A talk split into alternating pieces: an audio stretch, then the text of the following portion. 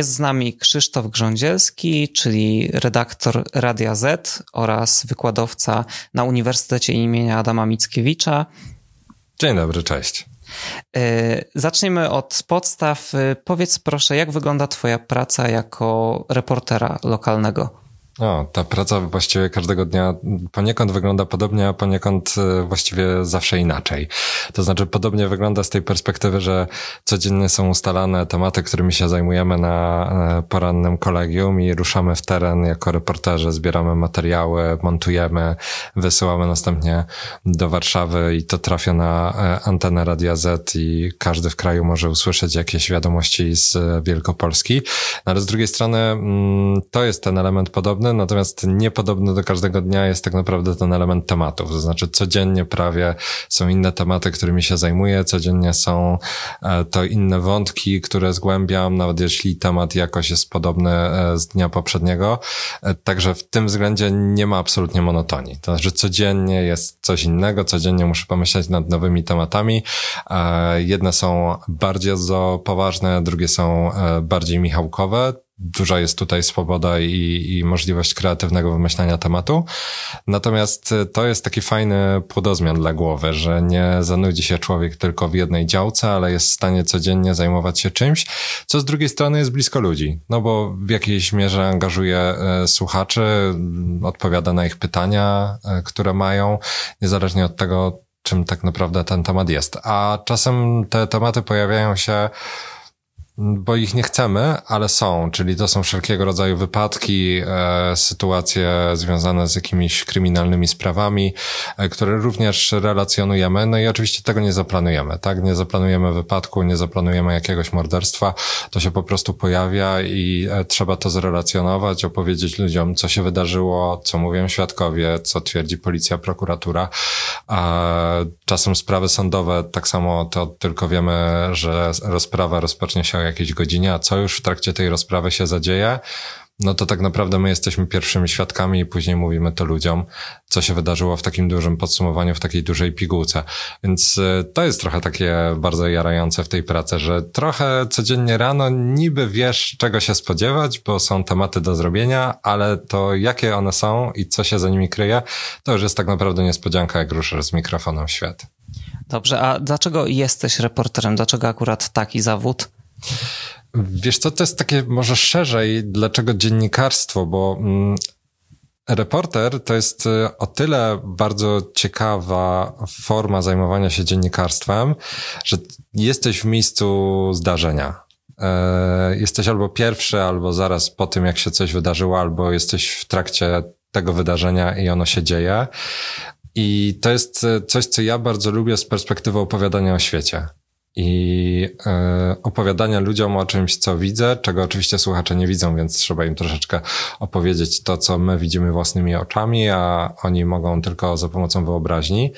Natomiast e, to jest tak, że z jednej strony jesteś w miejscu tych zdarzeń, jesteś świadkiem tych zdarzeń, a z drugiej strony masz kontakt z ludźmi, z którymi wiele razy myślę, że nie miałbym okazji w ogóle się spotkać, gdybym nie zajmował się tą pracą. To znaczy, nawet nie chodzi o dziennikarstwo jako samo w sobie, tylko mm, gdybym był może prezenterem i pracował w studiu, to nie dotarłbym do tych ludzi, do których dotrzesz, jeżeli jedziesz na miejsce z mikrofonem, a ponieważ oni się po prostu w takich miejscach jak studia radiowe czy telewizyjne nie pojawiają, więc to jest troszeczkę praca też z takimi mm, autentycznymi tematami i ludźmi, którzy mają jakieś problemy, o których warto nagłośnić. Mm, więc to jest taka, bym powiedział, właśnie najważniejsza cecha pracy reportera, czyli ciekawość ludzi i chęć opowiadania o świecie. I te dwie rzeczy ma w sobie reporter, dlatego właśnie się reporterką zajmuje. Okej, okay. a czy każdy może być dziennikarzem? Czy trzeba się urodzić, czy reporterem? Czy trzeba się z jakimiś umiejętnościami urodzić, czy można w sobie wypracować pewne umiejętności? To jest pewnie taki trochę pytanie o receptę na sukces, nie? To trochę tak chyba nie ma takiej recepty, czy utartej drogi, jak zrobisz krok A, dodasz coś, zmiksujesz, to wyjdzie z ciebie dziennikarz to, to chyba nie działa tak jak przepis na danie. E, wydaje mi się, że mm, to nie jest tak, że ktoś się urodził dziennikarzem. Nie, absolutnie. Myślę, że to też nie jest tak, że trzeba skończyć jakieś studia, że czego sam jestem najlepszym przykładem, bo moje pierwsze studia to było 5 lat stosunków międzynarodowych, że nie trzeba kończyć studiów dziennikarskich, by być dziennikarzem, ba zdarza się to dość nawet powiedziałbym rzadko. A, natomiast trzeba mieć w sobie pewne cechy, które ten zawód y, wymaga. O tej ciekawości wspominałem, o umiejętności e, mówienia, pisania, e, prezentowania się przed kamerą, jeżeli ktoś pracuje w telewizji, ale to są też te rzeczy, które można się nauczyć i rozwijać ten warsztat. I to też nie jest tak, że nauczymy się powiedzmy na studiach dziennikarskich, to zamykamy ten warsztat i już go nie e, kształcimy dalej. Myślę, że to jest tak, że cały czas poniekąd się czegoś nowego można nauczyć. Każdy nowy temat może rzucić nam wyzwanie, jeśli chodzi o taki warsztatowy element i za każdym razem można dowiedzieć się czegoś innego w zakresie tego zawodu, jak go robić, jak napisać. Zawsze można inaczej napisać jakiś tekst, zawsze można inaczej coś powiedzieć w radiu. To nigdy nie jest tak, że jedna rzecz, którą zrobiliśmy, będzie tą najlepszą wersją. Czasem presja czasu oczywiście powoduje, że nie ma możliwości długiego dziubania nad tematem czy długiego opisywania. Natomiast jeżeli jest ten czas, jest ta swoboda, no to wydaje mi się, że mm, mając te umiejętności, możemy kształcić ten warsztat i to sprawia, że stajemy się tą najlepszą wersją dziennikarza, jaką byśmy chcieli.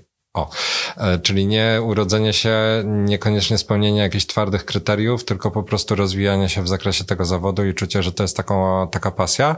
Tym bardziej, że powiedziałbym, mm, że to jest trochę jak z grą na, na instrumencie, ale że to jest strasznie żarłoczne, jeśli chodzi o twój czas, e, jeżeli nie traktuje się tego jako pasję, bo e, można uczyć się gry na pianinie, ale mistrzostwo osiągnie się po iluś godzinach dopiero grania. I to samo jest z dziennikarstwem, że mm, można oczywiście oczywiście nauczyć się pewnych podstaw, ale mistrzem zostaje się gdzieś ileś lat później. Ja absolutnie nie czuję się jakimś mistrzem. Mam tego właśnie świadomość, co jest myślę dużą zaletą, żeby mieć też pokorę wobec siebie, że nadal można popełnić błąd, że nadal można się rozwijać, szkolić, podglądać starszych kolegów, koleżanki, jak oni to robią, jak oni piszą i w ten sposób się rozwijać cały czas. I to jest chyba dobra recepta właśnie na bycie, bycie dziennikarzem. No i nie łudźmy się, jak to w życiu, to parę procent szczęścia też się po prostu przydaje. Czyli można mieć talent, można rozwijać swoje umiejętności, ale czasem jest po prostu tak, że trzeba mieć szczęście. Szczęście po prostu bycia w dobrym miejscu albo trafienia też na ludzi, którzy cię zauważą i którzy może odpowiednio pokierują, a, albo podadzą rękę, wesprą i to będzie takie bezcenne po prostu wsparcie w pewnym momencie dla drogi zawodowej, jaką się obrało. A w takim razie, czy uważasz, że warto jest w ogóle studiować dziennikarstwo? Tak, znaczy ja bym powiedział, że absolutnie tak. Jak każde studia. Znaczy, one rozwijają nie w formie szkoły zawodowej. Jak ktoś podejdzie do studiów dziennikarskich na zasadzie, że to jest szkoła, która właśnie jak z przepisu nauczy mnie dziennikarstwa i ja będę tytułowanym dziennikarzem i wszystko już o tym zawodzie wiem, no to absolutnie się na tym przejedzie, bo wystarczy, że pójdzie do pierwszej redakcji, jeżeli nie był na stażu i przekona się, że dużo rzeczy, które mówiono na studiach dziennikarskich kompletnie nijak się ma do tej rzeczywistości normalnej.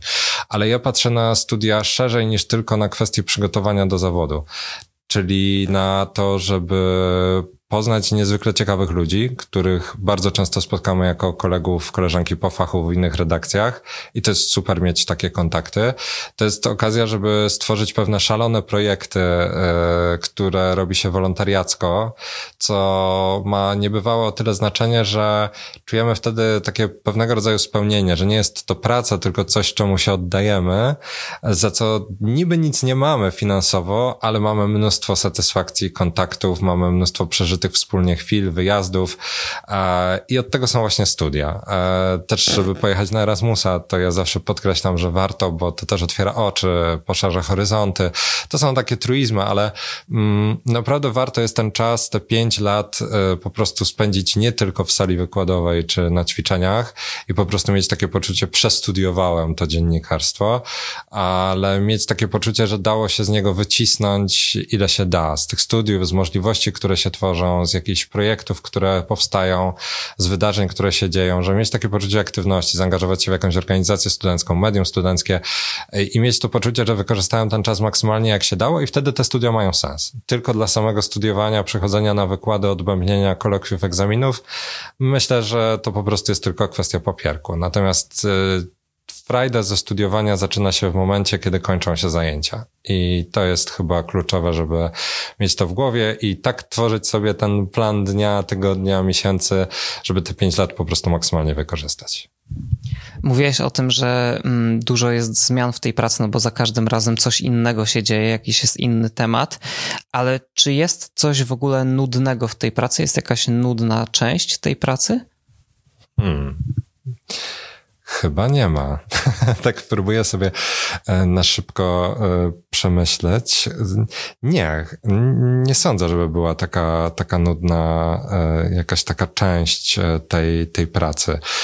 Powiedziałbym, że może z perspektywy jakiegoś doświadczenia w przypadku pewnych tematów może wkradać się rutyna. Bo wiadomo, że co roku są święta, Boże Narodzeniowe, Wielkanocne, co roku mamy jedzenie rogali świętomarcińskich na 11 listopada i inne tego typu atrakcje. Co roku zaczynają się wakacje, e, zaczyna się zima i są pewne tematy, które są takie nieodzowne i co roku powtarzane. Wiesz, co roku wszyscy wymieniają opony na zimowe, e, myślą co kupić na prezent teściowej, jak wyprawić najlepiej Wielkanoc, albo właśnie jak zadbać o dzieci podczas kolonii.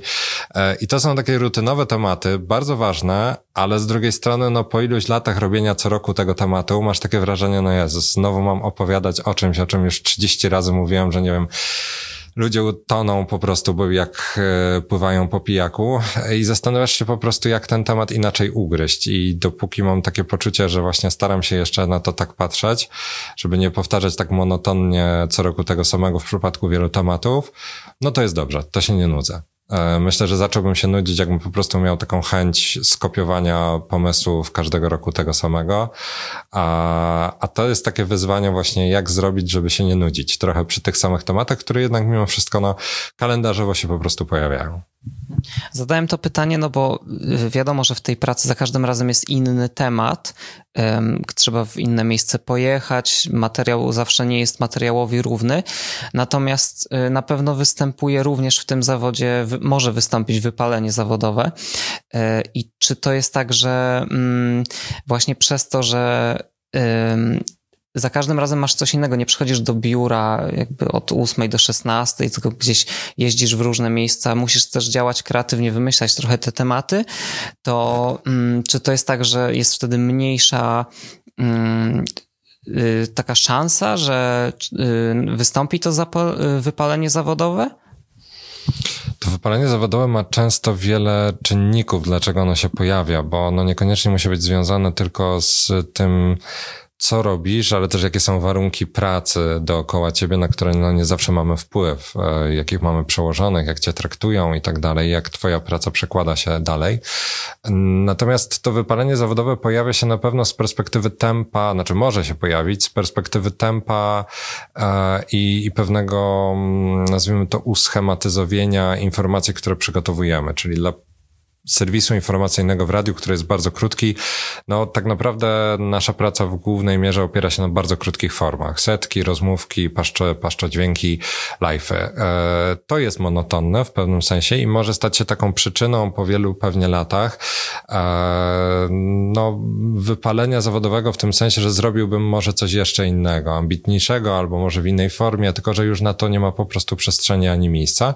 Dlatego też niektórzy próbują poza radiem robić jeszcze inne rzeczy, tak żeby nie mieć tego poczucia, że tylko robią przez całe życie jedno, nie wiem, tną setki po prostu każdego dnia po kilkadziesiąt sztuk i nic innego właściwie nie robią i mógłby to robić każdy. E, więc w tym względzie to wypalenie zawodowe myślę, że można o nie zadbać. Trudniej jest chyba zadbać w styku z trudnymi sytuacjami, z którymi się mierzymy. Czyli Spotkania z drugim człowiekiem mogą być albo neutralne, radosne, albo w bardzo przykrych okolicznościach i te są najtrudniejsze. Trudne tematy, które poruszamy, tematy, które są bardzo mocno emocjonalne, dla równo, zarówno będą emocjonalne dla słuchacza, ale też będą dla mnie jako dla dziennikarza. Spotkania ludzi z traumą, ludzi, którzy przeżyli traumę, chociażby ucieczki z kraju przed wojną, to zawsze będzie wyzwanie i te rozmowy, jakkolwiek byś nie chciał, e, nawet od odcinasz się emocjonalnie w trakcie, bo masz zadanie do wykonania. Masz po prostu opowiedzieć jakąś historię i twoje emocje nie mają e, możliwości ujścia, to one uchodzą później. Mm, ja staram się nad tym bardzo mocno pracować i e, i znajdować to ujście w różnych formach. Jeżeli ktoś chyba tego nie robi, e, to, to ten stres i obciążenie tego typu tematami Trochę jak ze słynnymi przykładami korespondentów wojennych, którzy właśnie mają ten ogromny stresor ze względu na wykonywany fach, no po prostu się odkłada jako wypalenie zawodowe, że mm, te, te, te emocje do ciebie prędzej czy później docierają i trzeba umieć jakoś je przepracować, dekompensować w sobie, tak żeby one po prostu nie sprawiały, że po kilku, kilkunastu latach właściwie żaden temat już cię nie rusza, że już nic nie ma, co wzbudza w tobie emocje i masz takie poczucie, że właściwie e, no, twój zawód stracił, stracił sens, więc na szczęście tego nie mam. Oczywiście mnóstwo historii takich czytałem, czy, czy słuchałem o, o ludziach, którzy się z tym problemem mierzyli e, więc staram się ich historiami uczyć się i mieć w tyle głowy, żeby nie popełniać tych samych błędów. Czy mi się uda?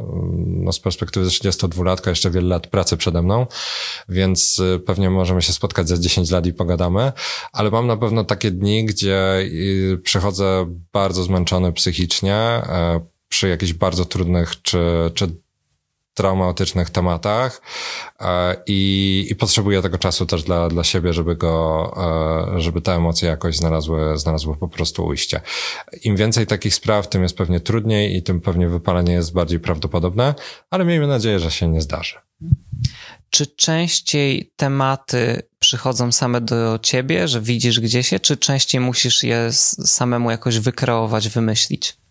Tak, to jest bardzo dobre. E, ja się śmieję, że mój mózg się nie wyłącza i ja po prostu non-stop nadsłuchuję, e, obserwuję i, i sprawdzam, co się dzieje. Że to jest trochę tak, że temat możesz złapać nawet jak niechcący podsłuchasz rozmowę dwóch ludzi w tramwaju i tak się okazuje, że nagle to, o czym oni rozmawiają, albo jakie mają wątpliwości, to jest dobry pomysł na temat.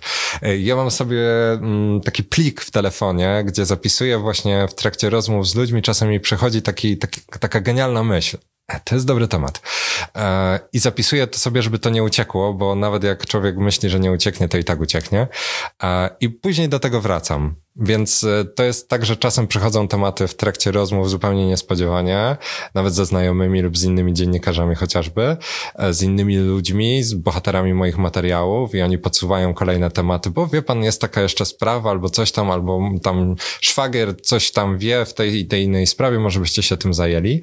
E, czasem tematy przychodzą po prostu od słuchaczy, to też jest bardzo cenne.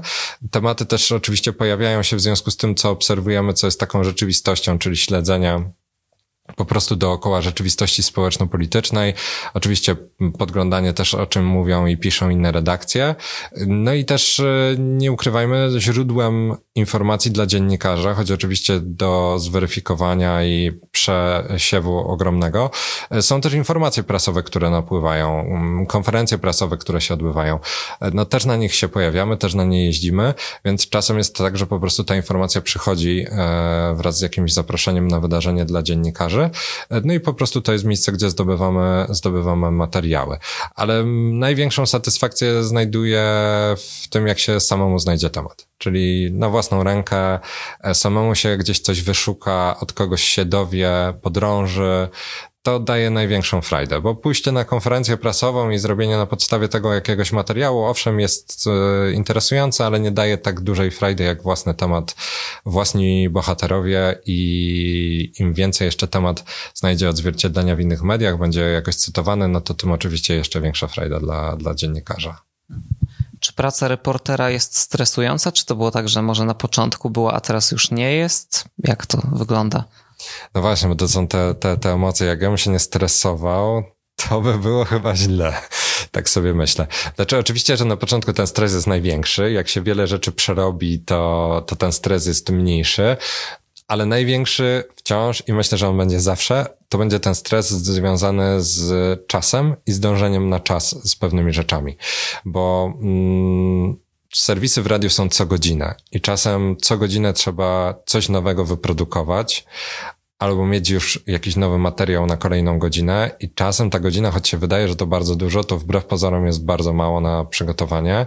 I tutaj momentami wkrada się stres, jak za pięć pełna godzina wysyłasz dopiero materiał do, e, do wyemitowania, on jeszcze przecież musi być sprawdzony.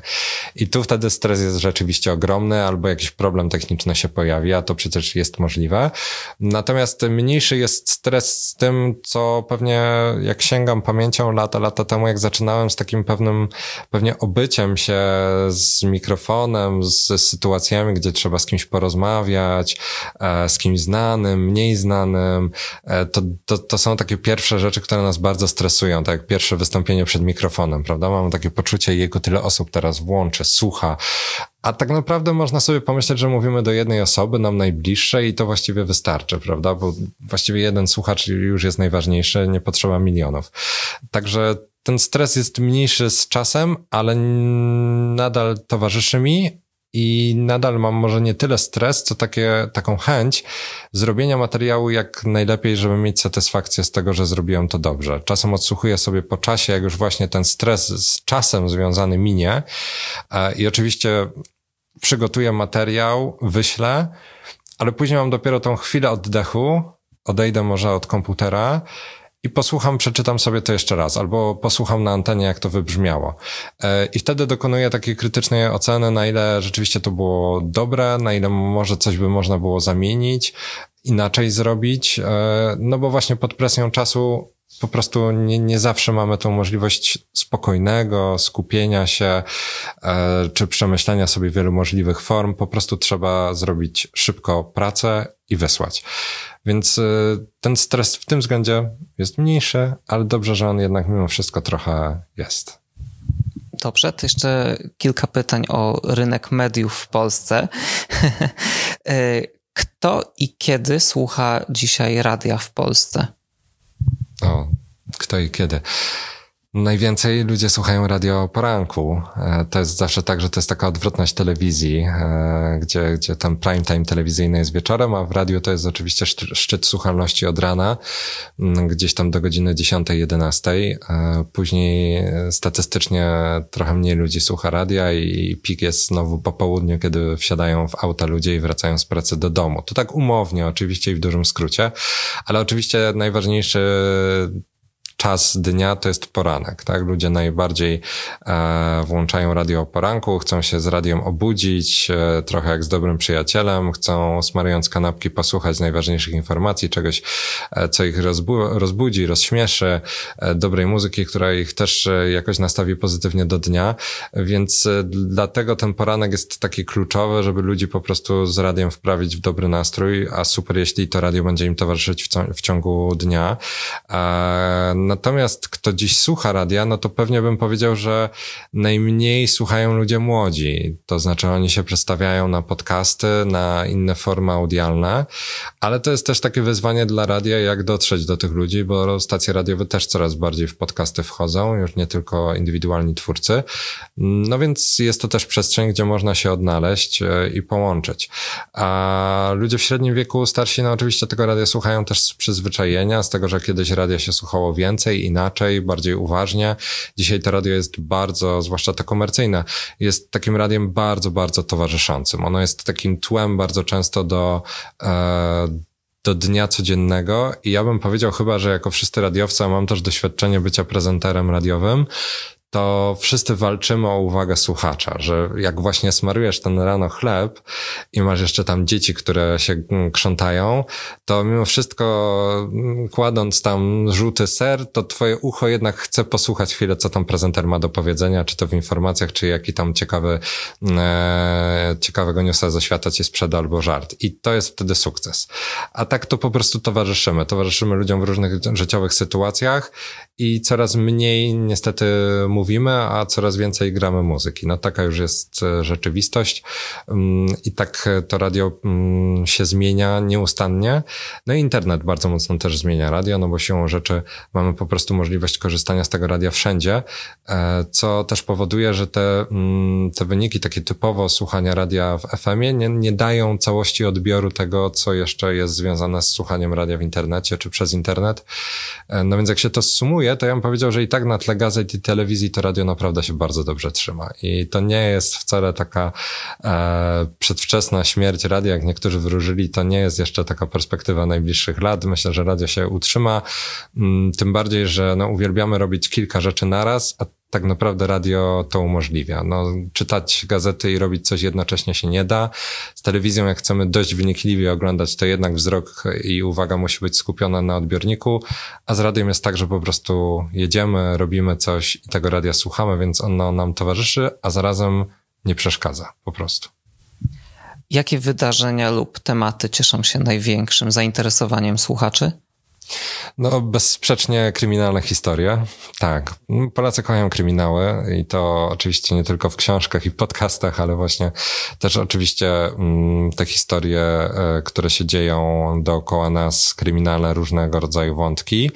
E, tego jest sporo. E, no, nie będę oszukiwać, że oczywiście też Zasada, że zły news to dobry news, e, tłumacząc z angielskiego, to jest jakaś zasada, która obowiązuje, czyli rzeczywiście no, więcej jest tych informacji, które są w jakiejś mierze mm, o rzeczach trudnych, smutnych, przykrych, e, niż tych, które są super e, pozytywne. Ale to też wynika z tego, że mm, po prostu no, patrzymy na rzeczywistość taka, jaka ona jest. Ona nie zawsze jest taka, jakbyśmy chcieli, więc dobrze jest pewne rzeczy i te, od tego myślę też są dziennikarze, żeby podkreślać, co nie działa, e, a nie być tylko takim medium, które chwali. Mm, więc w tym względzie no to bym powiedział, że, e, że tak, że to, to, to jest taki element e, rzeczywiście dosyć istotny. Kryminalne historie, trudne opowieści, emocjonalne opowieści.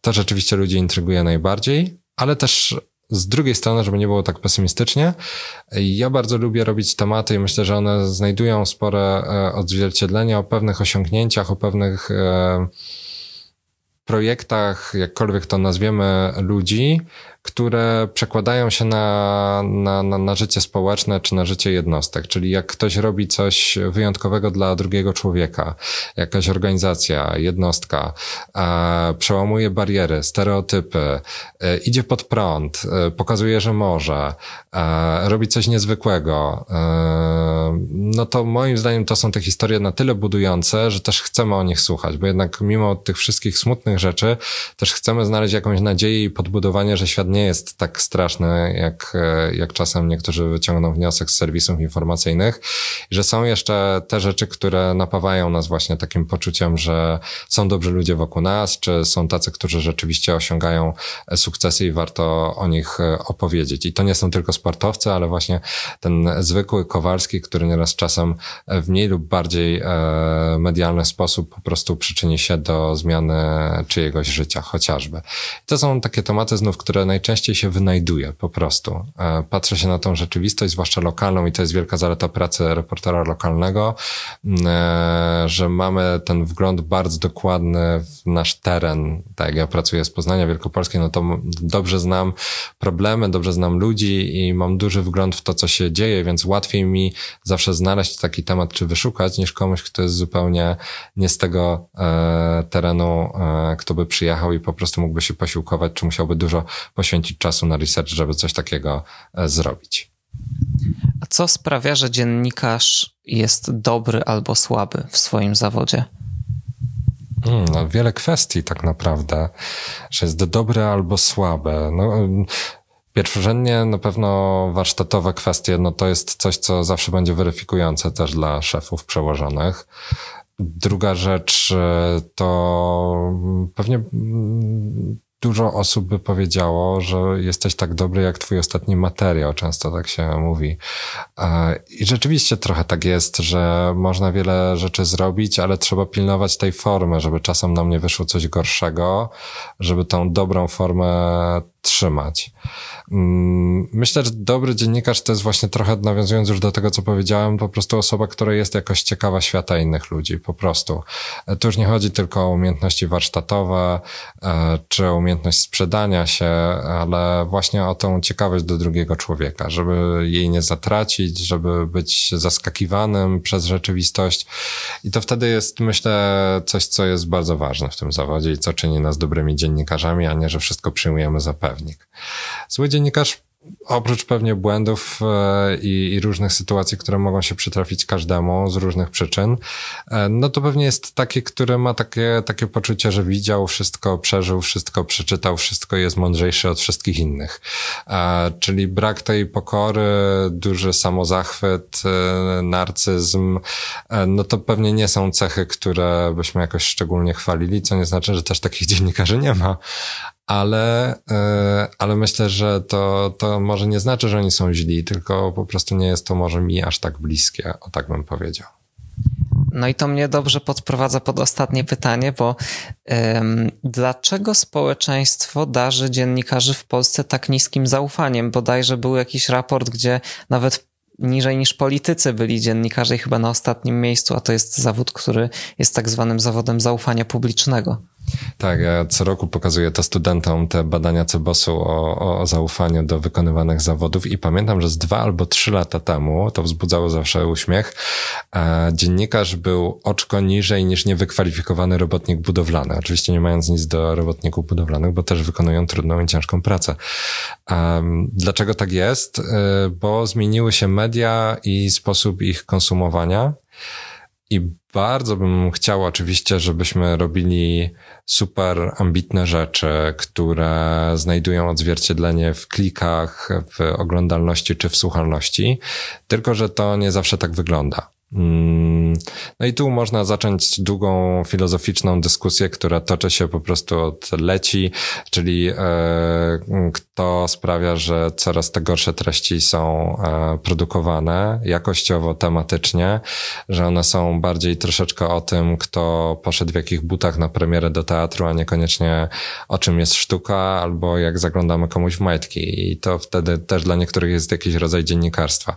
To jest e, pewnie jakoś tam ciekawe, pewnie dla wielu osób właśnie kuszące, które żyją plotkami i chcą o tym czytać.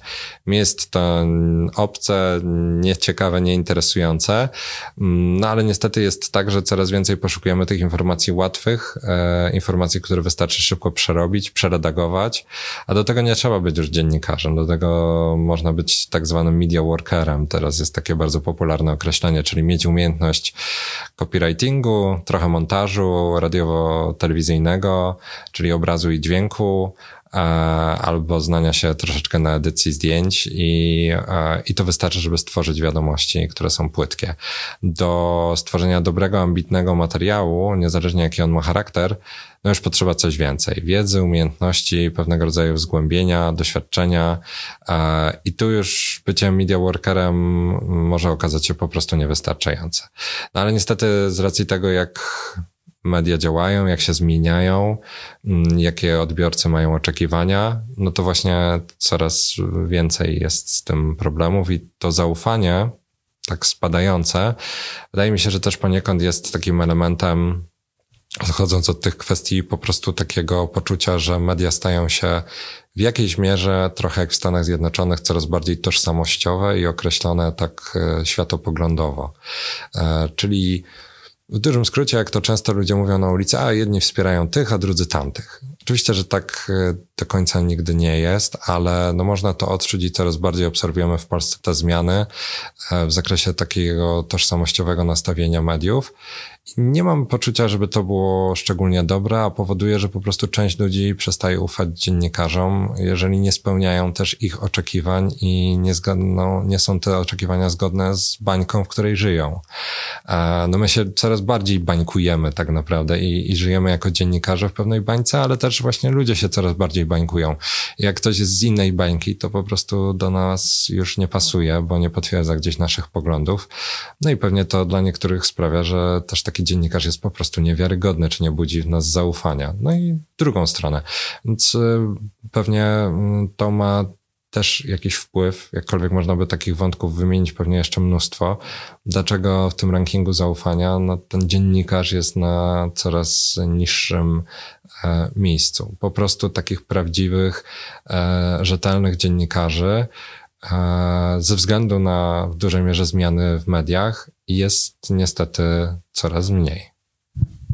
Dobrze, dziękuję za rozmowę. Krzysztof Grządzielski, reporter Radia Z oraz wykładowca Uniwersytetu imienia Adama Mickiewicza. Dzięki bardzo. Tak trochę pesymistycznie zakończyliśmy, muszę przyznać, ale żeby nie było może tak pesymistycznie, to tylko powiem, że mimo wszystko e, to jest na tyle fascynujący zawód, że warto, warto go wykonywać i, i, i mieć z tego wielką pasję, e, że tak naprawdę każdy dzień to jest dzień w pracy, a z drugiej strony masz takie poczucie, że wykonujesz najpiękniejszy zawód świata i owszem, jest to oklepany tekst, ale tak naprawdę ja sobie nie wyobrażam robić czegoś innego i nic innego mi w życiu nie dawało takiej satysfakcji jak to, co robię. Więc żeby nie było tak pesymistycznie, to myślę, że satysfakcja z tego wszystkiego do włożonej pracy i nawet w zakresie o tym wszystkim, co mówiliśmy, jest niewspółmierna i, i daje to poczucie wielkiego zadowolenia. Więc jak ktoś w to pójdzie i złapie tego dziennikarskiego bakcyla, to myślę, że wyleczyć się z tej dziennikarskiej choroby jest bardzo trudno. Czyli warto ten zawód wykonywać, ale robić to dobrze i wtedy może będzie y, darzony większym zaufaniem. Oczywiście, że tak. Oby tak, oby z etyką i z wszystkimi zasadami y, moralnymi, to myślę, że będzie coraz lepiej. Dobra, dzięki. Dzięki bardzo.